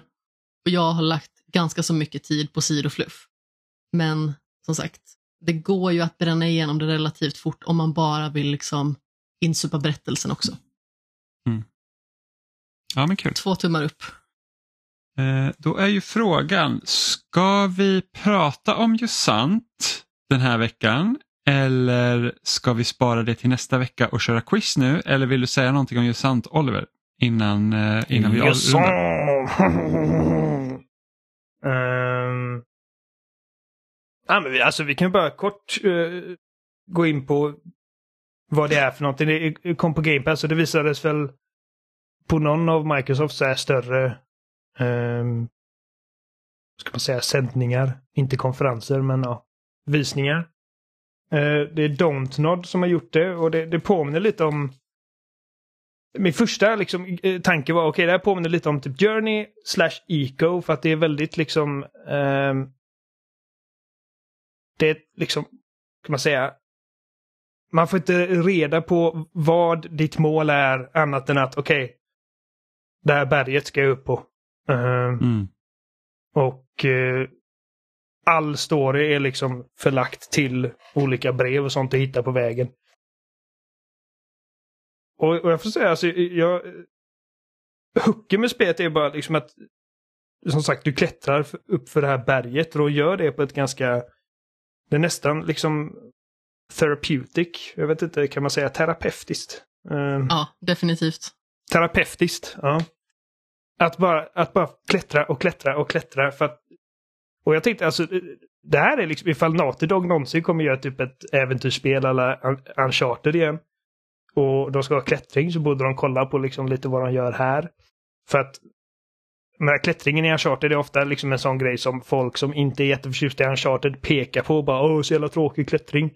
Det blev lite bättre eller betydligt bättre enligt mig då med, med fyran. Där det var liksom att istället för att du automatiskt går på en bana så är det mer liksom att du, du styr hans hand mot nästa eh, handhold och sen liksom skiftar man över och så hade de eh, enterraker och grejer som gjorde det roligare. Men här är det, alltså det är väldigt de gör för klättrandet här ungefär vad Death Stranding gjorde för att bara gå över liksom rocky terrain. Liksom att det känns väldigt analogt och så du har eh, varje trigger är liksom, så höger trigger är du håller fast med eh, högerhanden och vänster är vänsterhanden. Mm. Och så Eh, kan du liksom sätta sådana här säkerhetsspännen på vägen upp till liksom tre stycken. Eh, så att du liksom i princip sätter checkpoints för dig själv. Liksom, så att ifall du missar ett hopp eller någonting så, så trillar du tillbaka till det senaste säker, säkerspännet och klättrar upp. Um, och men det är ett simpelt system, men, men det är liksom så pass tillfredsställande liksom att det, det håller. Det bär upp hela upplevelsen. Var, varje minut som jag inte bara klättrar i det här spelet är liksom okej, okay, låt mig fortsätta klättra för att de de har liksom bryt, brutit upp tempot lite med sektioner där du liksom mer utforskar rum och grejer och läser de här lapparna som jag bara vägrar läsa för att de är så jävla långa. Det är liksom kapitel av böcker varje gång. Åh nej. Inte för att jag har Eh. något emot att läsa men jag tycker alltså det har jag också pratat om tidigare, men jag tycker verkligen inte om att läsa på skärm. Alltså inte, inte när man spelar. Det, det, och sen, och sen det- också liksom i ett sånt här spel som jag, som jag är bara, alltså jag, jag är inte jätteinvesterad från start. Jag vet ingenting om den här världen. Liksom jag, jag är inte intresserad av att lära mig om den här världen. Så som jag förstår det är att allt vatten har typ torkat ut. Så att det som man klättrar på är egentligen liksom så här branter som har varit i, un, liksom under havsytan för länge sedan. Så det är liksom därför det är typ koraller och grejer överallt. Mm. Ehm, och man har en liten fluffig typ eh, blob på axeln. Som kan utsöndra typ en energipuls av något slag som får växter och sånt att reagera så att liksom vinrankor sträcker sig så man kan klättra på dem. Och de gör olika grejer liksom för att switcha upp själva liksom klättringsmomentet som att en bit in så introducerar de eh, stora liksom skalbaggar som, som ser ut som stenar typ. Eh, som klättrar på väggarna och så får man liksom haka på dem och sen hoppa mellan dem. Och, eh, man svingar från plattform, mellan plattformar med sitt rep. Och, eh, ja, nej det är... det är bara väldigt avslappnande helt enkelt. Liksom att bara ha ett osagt mål om att liksom du ska bara klättra upp, upp, upp, upp, upp och det är liksom också tillfredsställande liksom, när man kommer upp liksom, på en avsats och kan titta ner och bara åh, hela den vägen klättrar jag nu. Liksom. Det är typ jättehögt. Ehm, man kan inte förlora, alltså man kan inte dö. Spelet tillåter det liksom inte. Ifall du börjar klättra så kommer det automatiskt sätta en sån här liksom, säkerhetsförankring. Mm. Uh, så att det är väldigt liksom frictionless och uh, som sagt, ingen liksom uh, kan man säga, tension överhuvudtaget i det utan uh, det är, det är som sagt upp, avslappnande. Du gör liksom långsam progress upp för den här bergskantväggen eh, och, och sätter upp liksom olika sorters hinder för dig att navigera runt och liksom för att hålla dig stimulerad. Eh, typ tre, fyra timmar långt och det är liksom perfekt för den typen av upplevelse. Um, så att liksom st större spel som, som har liksom så här klättring som, som en så här stöttepelare i deras liksom gameplay overview borde, borde kolla på detta. Liksom gör det mer engagerande, liksom att det kräver mer av mig som spelare. Är det bättre än eh, Horizon Follow the Mountain? Ja, ja, absolut. Jag har fortfarande inte klarat det. Jag tror, jag tror inte jag någonsin kommer ta mig igenom det spelet. Ehm, Nej, jag har inte heller, heller klarat det. Det har jag. Och- ja. ja. Um, jo, men det, det, det tycker jag. Ehm, de gör lite mer med liksom med klättrandet här. Och sen liksom, e- eftersom att det inte är VR så blir det inte bara jobbigt heller. Det är som, det är som sagt avslappnande. Det kan jag inte säga att eh, Horizon är. På liksom få axelverk efter en timme. Håller på att veva Mm. med armarna i luften. Eh, Oliver 63 år. Ja, ja men verkligen. Ehm, nej, så att jag rekommenderar, särskilt eftersom att det är på Game Pass, bara hoppa in liksom och börja klättra. Ifall, ifall du inte liksom, om du inte fattar grejen en halvtimme in så är det okej, ja men då kanske det inte är för dig. Men, men jag tror liksom att det kräver inte mycket mer för att, uh, för att du ska veta det ifall detta är någonting du kommer orka liksom se till sitt slut. Uh, som sagt, det är inte så långt. Jag börjar närma mig slutet antar jag. Och, uh, det, är, det är bara när jag inte klättrar i det spelet som jag känner att okej. För att det är... Ibland What så, am I så, even doing? Ja, men precis. Läser de här liksom evighetslapparna och som inte säger mig någonting. Och det finns collectibles som är så här, typ snäckor som man sätter mot örat och så får man se liksom, eller höra lite av det liv som en gång har funnits på den platsen. Liksom så här barnskratt och sånt. Men det är bara, ja. Jag, vet inte, jag, Mm. jag får inte riktigt grepp om den här världen eller den här karaktären. Jag vet inte vad karaktären heter. Jag vet inte vad, vad, vad hens mål är. Tror det är en pojk. Ehm, eller vad, liksom vad syftet med den här resan är. Jag bara, jag bara tycker om att klättra. Hade det Mm. varit liksom konstant tre timmars spel som bara är liksom att jag är ständigt på den här liksom klippväggen. Så hade det funkat för mig tror jag. Uh, Mm. För att jag, jag blir mest uttråkad när jag kommer till en punkt, okej okay, nu, nu, nu ska jag gå runt i den här enorma grottan och bara liksom läsa grejer eller dra i spakar och hitta vart nästa liksom klätterställe är.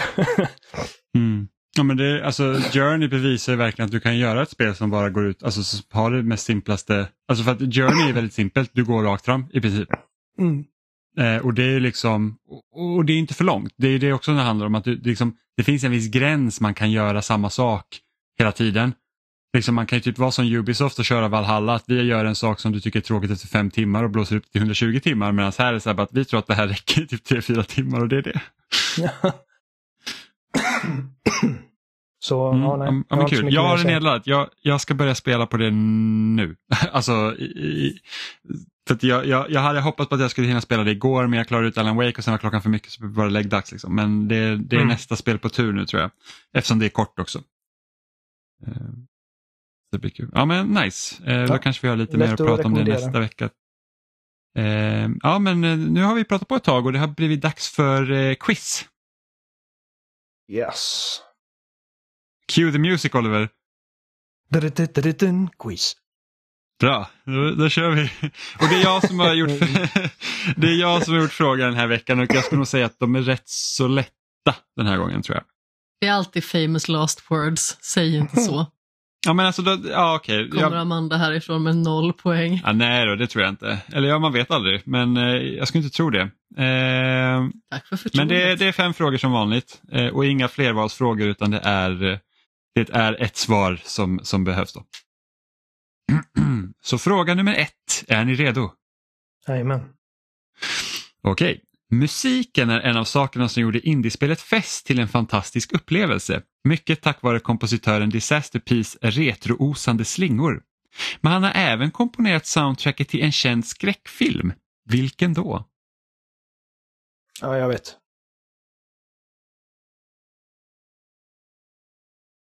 Hmm. Jag hoppas först att du skulle fråga vad heter den här kompositören? Jag bara Disaster Piece. No, okay. nej. Jag har för mig att vi har pratat om det här tidigare. Ja, för några dagar sedan till och med. Ja, ja men exakt. Jag kan uh, inte riktigt för mitt liv minnas. Disaster Piece är också en bra Slipknot-låt som börjar med texten I wanna slit your throat and fuck the wound. Äh, fy. det är deras bästa platta. Mysiga killar de där. Ja. Hmm. Fasen också. Kan man få ringa en vän? Kan man få en ledtråd? Alltså jag, kan inte, jag, jag, jag, kan inte ge speciellt så mycket ledtrådar mer än det som faktiskt var i frågan. Nej. Ja, nej, ja. Fess. Jag, så fort jag tänker Fess så hör jag det här liksom. Älskar det soundtracket. Som bästa låten är Forgotten på den. Det är inte det temat inte. Nej, det är det som du nynnar på, det är Adventure.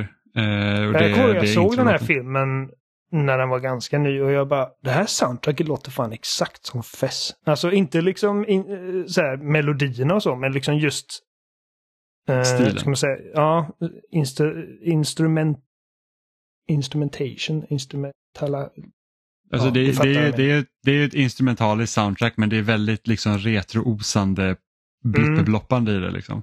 liksom uh, det låter som att det skulle kunna vara på en NES. Etheric och... Ja. Nu får du gissa någonting Amanda. Ja, nu måste jag börja om ett, börja om ett svar här. Ja, men det är svårt att vara jag just nu. För att jag vet ju att vi har pratat om det här men jag kan du liksom inte vi. riktigt komma på det. Jag har sett filmen till och med. Ja, det har du. Ja, det har du. Alltså...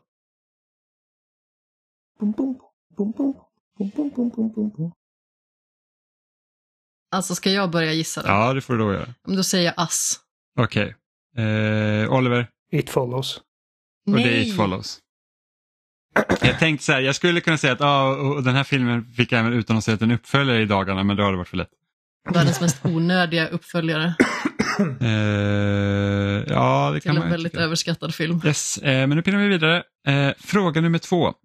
Super Meat Boy fick ett utvecklat satirspel efter sig som kallades Super Tofu Boy. Men vilka var utvecklarna? Och det här ska alltså vara lätta frågor då, tycker du? Ja, It Follows är inte överskattat. Eh, det, här, det här har jag ingen aning om. Vad... För jag, jag, det enda jag vet är...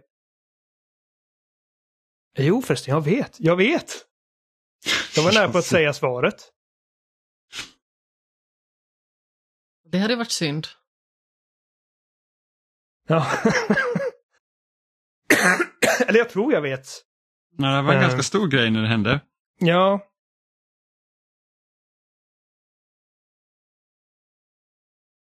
Sa du att det var liksom en parodi? Ja, det, är ett- det är ett satirspel eh, som kallas Super Tofu Boy och det var ett webbläsarspel. Ja, så att det är liksom ingen uh, så här Big Nej, det, du kunde, du kunde inte, det var ett gratis spel, du kunde liksom inte köpa det till eh, någonting.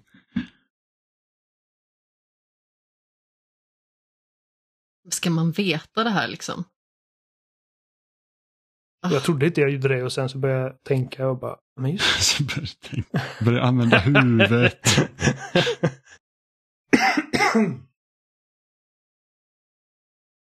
Alltså jag kommer ju inte kunna värpa fram det, eller hur? Jag vet inte. Gissa på någonting då. Vad ska man ens gissa på? Ubisoft. Nej, det är det inte. Oliver, har du Eh, svaret då? Peta. Det stämmer. Ja. För att de bara, det, det hemskt mot djur att det är köttpojken. Så det är Ja, att han var köttpojke. Eh, Ja, alltså jag tänkte liksom att det kanske var en, en spelskapare. Det tänkte jag också först. Och sen så började jag tänka, det enda jag minns om Super Tof- Tofu Boy var att Peta ord gnällde känner på jag att mig det var... lurad och vill ha en ny fråga. ja. Jag, jag bara Eh, tänkte, jag minns att det var att Peta gnällde på att det var Meat Boy och så klickade jag på In Place. Liksom. Ja, och, sen, eh, och enligt Edmund Macmillan då som har en av skaparna till Super Meat Boy då sa ju att Super Meat Boy är liksom inte ett köttstycke så, han är en pojke utan hud. Ja, och Mm. det är därför hans, hans liksom, tjej är bandage girl. För att han är liksom exposed och han, det gör ont utan henne. Eh, fråga nummer tre, den obligatoriska Pokémon-frågan. Eh, I Pokémon Röd och Blå blev vi introducerade till 151 monster. När det var dags för uppföljarna adderades ett, ett antal nya. Hur många då? Alltså, så, så hur hur många Pokémons Hur, kom i silver och guld som inte fanns Yes. i röd och blå? Eh, exakt.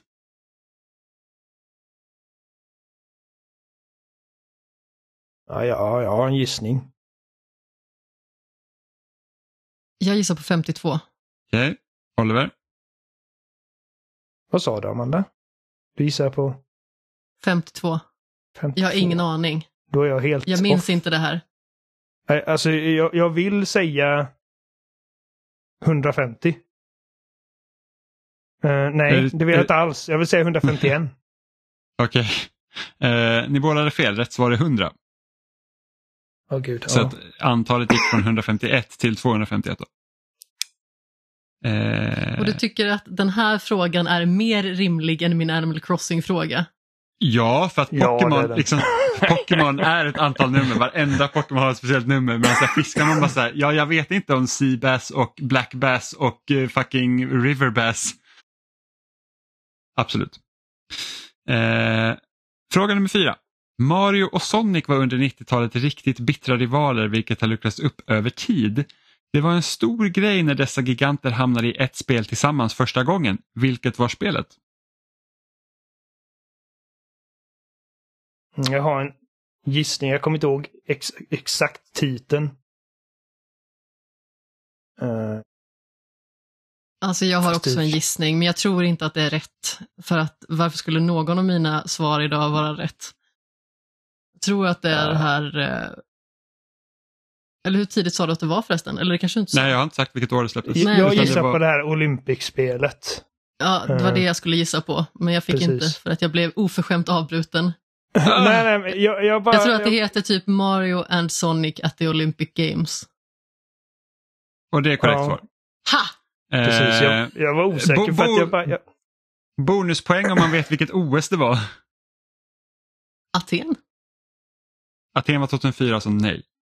Okej, eh, hur tidigt var det sa du? 2008. 2008? Eller 2007 kom spelet, men OS var 2008. jag säger Beijing. Turin?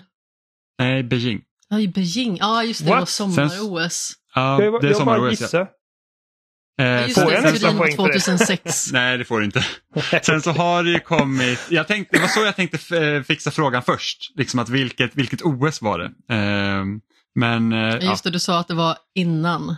precis. Ja. Eh, sen så finns det ju, 2006. sen finns det ju Mario Sonic at the skull. Winter Olympic Games och sen så finns det Mario Sonic at the någonting, någonting, typ London.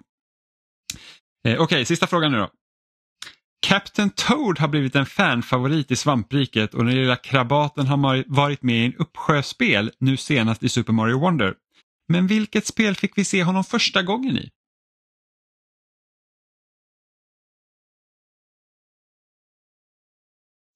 Uh, jag tror att det är Super Mario Bros 2.